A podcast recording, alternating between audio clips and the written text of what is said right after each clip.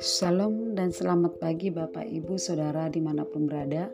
Sebelum kita melakukan kegiatan untuk sepanjang hari ini Mari sejenak meluangkan waktu kita untuk mendengarkan dan merenungkan firman Tuhan. Mari kita berdoa terlebih dahulu. Tuhan Yesus kami sangat bersyukur atas kasih-Mu penyertaanmu sampai pagi ini kami bangun dengan tubuh yang sehat dan sebentar kami mau mendengarkan merenungkan firman-Mu Tuhan kiranya Engkau memberkati kami dan kiranya kami bisa memahami dan mampu melakukan apa yang menjadi kehendak atas kami. Terima kasih Tuhan dalam nama Yesus kami berdoa haleluya amin. Bapak Ibu Saudara yang kasih oleh Tuhan, renungan kita pagi ini dari kitab Ayub pasal yang ke-31. Pasal-pasal sebelumnya kita tahu bahwa Ayub mengalami masalah masalah penderitaan yaitu karena kehilangan keluarga, harta benda, dan lain sebagainya serta kesalahan-kesalahan yang dituduhkan oleh sahabat-sahabatnya yang mengatakan dosanya Ayub sangat besar sehingga Ayub menderita dan dihim dan akhirnya Elifas salah satu sahabatnya menghimbau supaya Ayub bertobat. Dan Bapak Ibu Saudara yang kasih oleh Tuhan, pasal yang ke-31 ini Ayub melakukan pembelaan diri bahwa dia tidak seperti orang lain tuduhkan. Bahwa ia mengalami penderitaan bukan dia mengalami penderitaan bukan karena dosanya dan menurut Ayub pada pasal 31 ini dia adalah orang yang saleh dan saya akan meringkas tentang perkataan pembelaan Ayub, pembelaan diri Ayub di pasal yang ke-31 ini. Dan pasal yang 31 ini ada 40 ayat, lumayan panjang Bapak Ibu, dan saya akan bacakan secara ringkas yaitu jika aku telah menipu orang lain melakukan dosa seksual, memperlakukan pegawaiku dengan buruk, tidak mau berbagi dengan fakir miskin, kaum janda dan orang yang terlantar serta yatim piatu, maka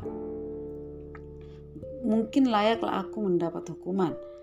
Atau jika aku lebih mengandalkan kekayaanku daripada bersandar kepada Tuhan. Atau bersuka cita atas kemalangan orang lain. Ataupun tidak merawat keluargaku dengan baik. Pantaslah jika aku menerima murka Allah, jika aku telah menyembunyikan dosa-dosaku, ataupun telah mengambil lahan milik orang lain. Dan memperlakukan orang yang mengusahakan lahan tersebut dengan buruk, maka aku dapat mengerti jika kemudian Allah murka kepadaku. Tetapi Sungguh-sungguh aku tidak melakukan semua kejahatan tersebut. Nah, Bapak Ibu, Ayub mencoba membela perkaranya di hadapan untuk perkaranya untuk mendapat keadilan dari Tuhan. Dan ayat saya akan bacakan ayat 35 sampai 37 Bapak Ibu. Eh, Ayub mengatakan, "Ah, sekiranya ada yang mendengarkan aku, inilah tanda tanganku.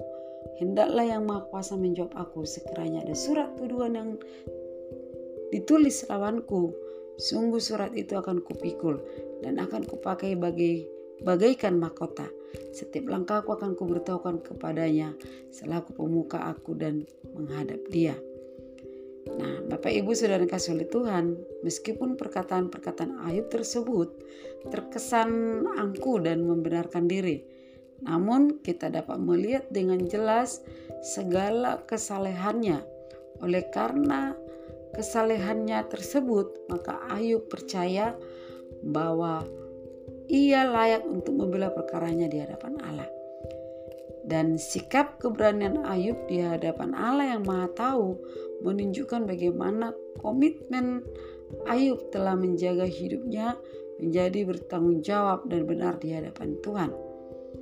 Namun pada saat yang bersamaan Bapak Ibu, Ayub mengakui bahwa Allah berdaulat atas hidupnya.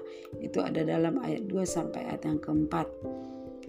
Nah, Bapak Ibu saudara yang dikasih oleh Tuhan, Kita sebagai orang percaya, mari kita teladani hidupnya Ayub yang selalu saleh di hadapan Tuhan.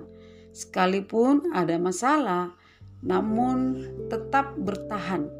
Namun Ayub tetap setia. Imannya tidak pernah goyah. Dan dia selalu berusaha untuk sungguh-sungguh di hadapan Tuhan. Mari kita belajar sungguh-sungguh dan berusaha mengikuti standar kesucian Allah Bapak Ibu. Ketika kita melakukan hal itu, ketika kita setia, ketika kita bisa teladan hidup daripada Ayub, kita belajar sungguh-sungguh dan berusaha untuk hidup dalam kesalehan, hidup takut akan Tuhan, maka Tuhan akan membela, menolong, dan memberkati kita. Amin.